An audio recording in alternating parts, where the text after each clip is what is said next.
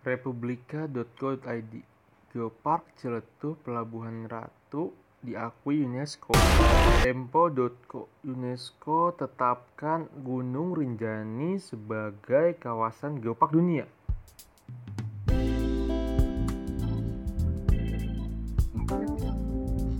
Halo, lu semua balik lagi di Chalkes. Yeay. Nah, templatenya biasa banget ya, kayak emang lu sering banget denger kan tuh. Balik lagi di Chalkes, karena itu emang template andalan kita. Enggak ding, emang gak ada ide aja buat buka. Apaan sih gak jelas bego. Ah, gue mau ngomong apa kan? Oh iya, lu semua balik lagi ke Chalkes episode ke-8.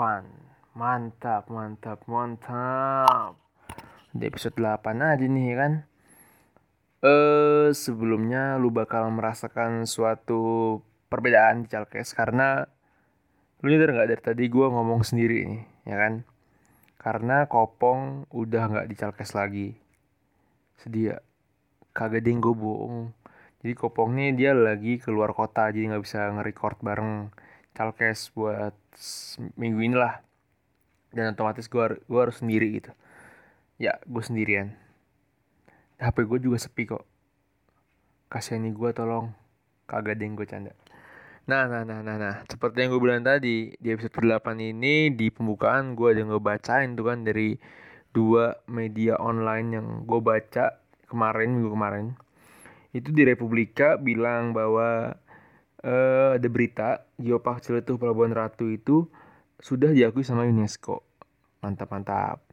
Terus yang dari Tempo.co itu dia bilang bahwa uh, UNESCO tetapkan uh, Gunung Rinjani sebagai kawasan geopark dunia. Wih, keren, keren, keren. Makin bangga gue jadi orang Indonesia. Udah diakuin dunia nih dua geoparknya nih. Tapi tunggu dulu. Uh, Indonesia nggak cuma dua nih yang diakuin sama uh, dunia nih geoparknya, tapi masih banyak geopark geopark yang lain yang udah diakuin sama dunia. Contohnya kayak di Danau Toba, Sumatera Utara, Gunung Rinjani di NTB itu yang udah gue sebutin tadi, Gunung Batur di Bali, terus itu eh ini Geopark Ciletuh, Jawa Barat, yang tadi gue sebutin juga, Gunung Sewu di Yogyakarta dan sekitarnya, sama Geopark Merangin di Jambi. Buh. Nih dari tadi gue ngomong geopark, geopark ya kan. Geopark sini lah, geopark sono lah. Belum afdol nih kayaknya kalau gue belum kasih tahu nih geoparknya apaan sih ya kan. Lu gue yakin pada banyak yang bingung nih geopark geopark. Jadi geopark ini nih lu dengerin bye-bye. Geopark ini oh, dari kata-kata geo, geo sama park ya kan. Geo itu bumi, park itu taman. Taman bumi. Nah, itu artinya, tapi maknanya adalah si geopark ini menurut gua adalah suatu kawasan, kawasan yang kaya akan warisan geologi dari zaman dulu banget, ya kan? Yang diberdayakan secara berkelanjutan serta dikonservasi eh, sehingga nantinya akan menguntungkan untuk masyarakat sekitar sana. Yang artinya bahwa eh, geopark ini jadi kawasan wisata yang berbasis geologi. Begitu yang di yang lingkungannya juga diperhatikan. Itu pengertiannya dan konsep geopark ini itu punya tiga pilar utama yang nggak beda jauh sama pengertiannya. Yang pertama dia itu tadi yang pemberdayaan secara berkelanjutan dalam artian dia di, dia itu diberdayakan, maksudnya dijaga, dirawat dan semacamnya. Lalu yang kedua konservasi, konservasi. Terus yang ketiga adalah ya, geopark ini menguntungkan untuk masyarakat e, dalam artian e, jika geopark jadi jika kawasan tersebut dijadikan geopark otomatis akan e, dijadikan suatu wisata yang memiliki atau menguntungkan untuk warga-warga sekitar. Contohnya warga sekitar bisa membuat suatu toko toko oleh-oleh atau apa pun itulah pokoknya menguntungkan buat warga sekitar sono. Nah, begitu. Itu namanya geopark ya kan. Jadi kalau menurut gua sih geopark ini itu adalah kawasan yang uh, rekreasi alam, katakanlah rekreasi alam, yang sebenarnya lu bisa masukin uh, unsur-unsur edukasi tentang kebumian. Gini deh, maksud gue contohnya tuh kayak uh, misalkan misalkan lu jalan-jalan ke Geopark Gunung Sewu ya kan lu masuk ke salah satu gua yang ada di sono terus ya udah lu kayak rafting di gua itu foto-foto ya kan uh, terus apa namanya itu instastory tai kucing kampret ya gegayaan dan segala macem lah. Pokoknya lu suka-suka lu juga. Tapi itu kan lu pada umumnya ya. Nah uh, ini sebenarnya bisa dikatakan konsep itu kayak harus apa bisa ditambahkan edukasinya bu. Jadi kayak gini misalkan uh, lu jalan-jalan misalkan gua malu nih jalan-jalan ke gua nih ya kan. Set set set jalan lu foto-foto lu rafting masih gua liatin kan lu. Gue pantau nih gue pantau. Habis itu lu nanya ke gue bang ini ini apaan sih? Ini gue apaan sih? Ya kan misalkan nanya gitu nih misalkan. Nah si kampret nanya juga kan akhirnya baru gue jelasin. Jadi gini bray. Ini gue nih dia ini uh, terbentuknya nih udah lama banget nih. Ini contoh aja ya contoh nih. Gue gue nggak salah salah ini kasih contoh nih ini terbentuk nih gua nih dari 1,8 juta tahun yang lalu. Buset. Terus pas ini bocah kaget nih. Buset kan? Ribet. 1,8 juta. Lu jadi embrio gibelon lu kepikiran buat uh, ngeliat dunia gibelon ya kan? Terus gue lagi. Nah ini dulu nih ini nggak kayak begini. Dulu dia uh, uh, dibanjir nih sama air air laut bla bla bla bla bla. Kondisi lingkungan zaman dulu kayak gimana di zaman 1,8 juta tahun yang lalu wah gila pasti orang ini bakal kayak teredukasi banget kayak uh ternyata nih gua dalamnya bagus ada rafting raftingan bisa foto-foto ternyata di balik itu semua ada cerita panjang gitu ada ada filosofinya coy Buh. jadi bukan cuma kopi yang punya filosofi tapi geopark kan juga punya filosofi batu juga punya filosofi mantap sekali saudara Yedi. Nah begitu. Atau misalkan lu kayak uh, ke gunung deh ke geopark Gunung Batur misalkan kan. Uh, geopark Gunung Batur tuh uh, keren banget menurut gua. Walaupun gue belum pernah ke sana gue cuma liat foto-foto doang. Nah misalnya lu kayak ke gunung gitu kan terus lu lu jalan nih di batuan nih set set set terus lu bilang eh jangan songong bego itu batuannya tua banget umurnya apaan sih? Batuan doang agak jelas. Pasti kayak orang gitu kan. Nah lu bisa ceritain tuh sejarah geologinya panjang kayak gimana filosofinya kayak gimana biar pada tercengang-cengang. Kagak ada yang jatuhnya sombong itu pak. Jangan jangan. Nah itu kayak jadi tuh lu jalan-jalan iya oke lu rekreasi wisata oke oke nggak apa-apa lu rekreasi wisata lu seneng-seneng. Tapi di balik itu semua lu bisa nyelipin edukasi tentang kebumian tentang geologi dari lingkungan pada saat dia terbentuk jadi seperti sekarang ini dari umurnya kapan situ batu-batuan gua gua gunung tuh terbentuk kapan sebenarnya sih? Terus lingkungannya seperti apa pasti terbentuk? Apakah emang kayak sekarang gini ya kagak lah. Pasti kayak ada suatu fenomena gitu kan. Nah ketika lu udah tahu tuh semua gua jamin banget kayak lu tuh bakal uh, sedikit banyak lebih mencintai, lebih mencintai dan menghargai bumi ini karena lu tahu prosesnya lu tahu perjalanan panjang si bumi ini terbentuk perjalanan panjang si tempat itu terbentuk lu bakal lebih aware ke sekitar lu ke geopark yang lu kunjungin. Begitu dan sebenarnya uh, seperti yang gue udah gue bilang tadi Indonesia punya banyak geopark tapi baru enam yang diakuin sama sama si uh, bentar lu tadi itu sekilas tentang geopark nih pembukaan. Nah ini gue pengen ngebahas tentang geopark di Indonesia nih. Jadi Indonesia tuh punya enam geopark ya kan? Uh, tadi yang udah gue sebutin cuman cuman cuman cuman kalau gua bandingkan sama Cina wah gila jauh juga ternyata cuy. Cuy jauh parah cuy. Cina ini uh, dia itu punya 140 geopark nasional dan 28 apa ya? 28 di antaranya itu sudah diakui sama dunia sudah diakui sama UNESCO 28 jadi lima kalinya kita. Itu dia udah udah diakuin sama luar negeri udah eh luar negeri. Dilakuin sama dunia dan kita baru enam. It, uh, which is itu cuman enam kalinya. Kacau ya. Nah tapi lu jangan berkecil hati dulu ya jangan sedih dulu nih gara-gara negara kita kalah nih sama Cina nih dari urusan geopark nih. Ya menurut gue wajar.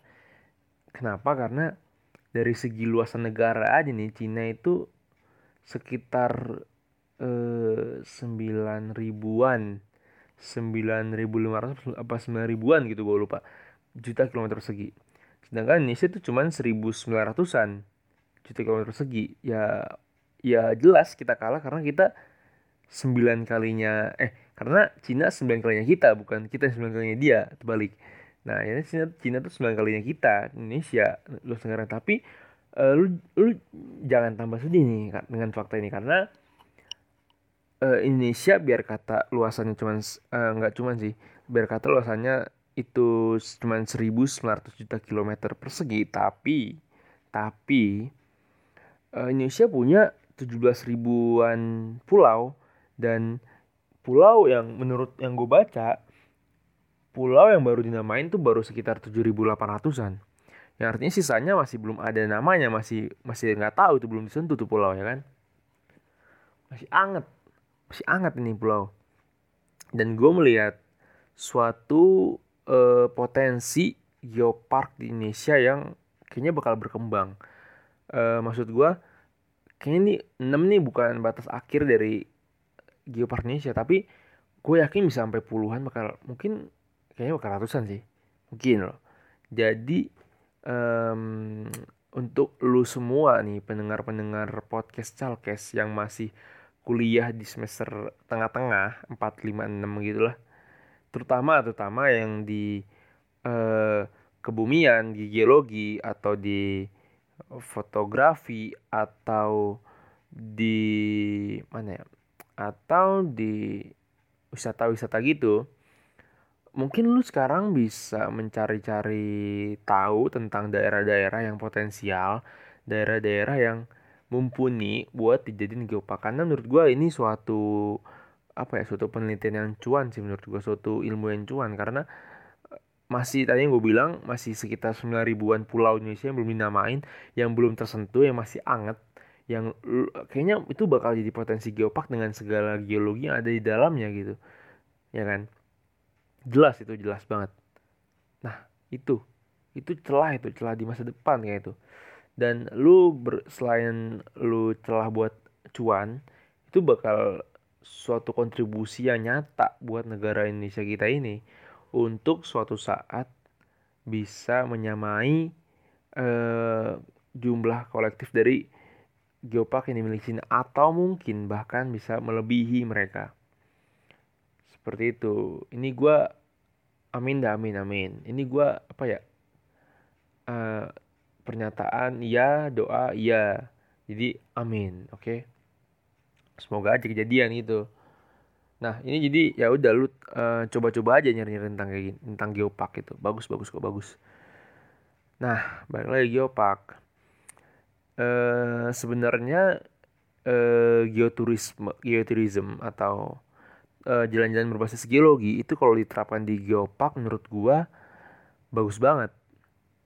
Kenapa? Karena selain lu jalan-jalan rekreasi alam gitu, lu dikasih edukasi yang tadi kayak gue bilang edukasi tentang geologi itu menurut gue kayak bakal bagus banget sih kayak orang bakal tertarik sih bakal tertarik gue yakin dengan kalau dengan rekreasi alam alam gitu terus dikasih tahu filosofinya seperti apa nih? Terbentuknya gimana lingkungannya kayak gimana pas terbentuk ya kan? Daerah itu kayak gimana pas terbentuk? Bukan kayak sekarang yang pastinya. Bakal bakal dan ini dan ini nih bakal lebih sangat amat menarik. Jikalau uh, geopark geopark Indonesia itu dibikin museum.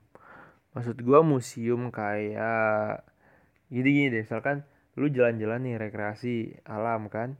Terus lu diceritain sama si tour guide-nya ini. Jadi geologinya kayak gini bla bla bla A B C D lalala nah gue yakin nih si turis ini bakal bakal ngebayangin nih ngawang-ngawang nih. Oh begini. Eh tapi dia gue yakin bakal kesulitan buat ngevisualisasikan. Asik. Sih gitu. Bakal ngevisualisasikan yang dicertain dan alangkah baiknya alangkah mulianya terpujilah si stakeholder beserta jajarannya dari geopark tersebut untuk membuat museum. Bingung kan lo? Ya, museum. Jadi semua warisan geologi, semua uh, geologi yang ada di daerah tersebut, lu visualisasikan di museum. Contohnya kayak gini deh, kayak apa ya? Jadi kayak lu lu nggak ngawang-ngawang gitu bayangin nggak nggak nggak kentang nggak tanggung ngebayanginnya jadi langsung tas gitu. Kena lu dia. Ngebayangin lu 100% contohnya kayak gini gue pernah jalan-jalan ke museum Dayu di Sangiran sono Sragen. Daerah daerah-daerah tentang manusia purba gitu lah binatang purba. Pokoknya tentang kehidupan purba lah intinya. Nah di museum Dayu ini uh, pertama gue masih kayak biasa aja gitu kayak ya museum gitu memamerkan benda-benda dari artefak kuno, dari tulang-tulang manusia purba hewan purba, ya kayak pada museum pada umumnya aja. Cuman yang bikin gua takjub adalah itu eh, pas gua sampai di museumnya itu kecil sih, nggak nggak gede banget, cuman menurut gua kena gitu sama makna museumnya. Kenapa? Karena si museumnya ini dia menceritakan benar-benar memvisualisasikan detail banget. Jadi per per per waktunya itu deh per, pokoknya diceritain kayak waktu sekian juta tahun lalu itu ada hewan berubah ABC sampai E terus dibikin tiga dimensinya bukan hewannya tapi kayak lingkungannya gitu. Kayak banjir lah kayak ada ada apanya lah. Pokoknya di bagus banget deh kayak dibikin tiga dimensi gitu deh. Jadi uh, kalau itu sangat membantu buat lo memvisualisasikan suatu cerita gitu. Bagus banget bagus banget. Dan kalau ini diterapkan sama uh, stakeholder-stakeholder atau pemerintah setempat tempat si geopark ini menurut gue bakal menjadi suatu daya tarik wisata yang akan meningkat terutama untuk turis-turis luar negeri yang dia seneng banget gitu kan sama wisata alamnya gak sih? Lu pernah gak sih kayak ketemu turis di mall? Turis apa bule-bule gitu di mall? Jarang kan ya? Nggak pernah kan pasti lu ketemu dia kayak di tempat-tempat wisata alam gitu. Dan gue yakin banget kalau misalkan diselipin edukasi tentang geologi peserta ditambah ada museum buat memvisualisasikan semua cerita tersebut. Gue yakin tuh bule kalau balik ke kampungnya no di mana pun itu Swedia kayak apa kayak mana kayak bakal ini nih gosip teman-teman ya kan. Eh gue bisa jalan-jalan nih pamer ke Indonesia nih ke Geopark Sewu misalkan. Bagus banget the museumnya. Gue diceritain geologinya kayak gimana.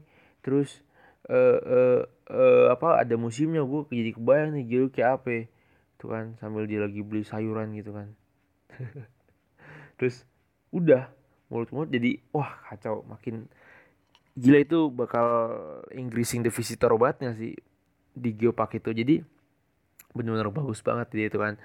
Selain lu menceritakan selain lu ngedukasi turis ngedukasi yang datang lu bawa ke museum tergambar visualisasi jelas fix banget.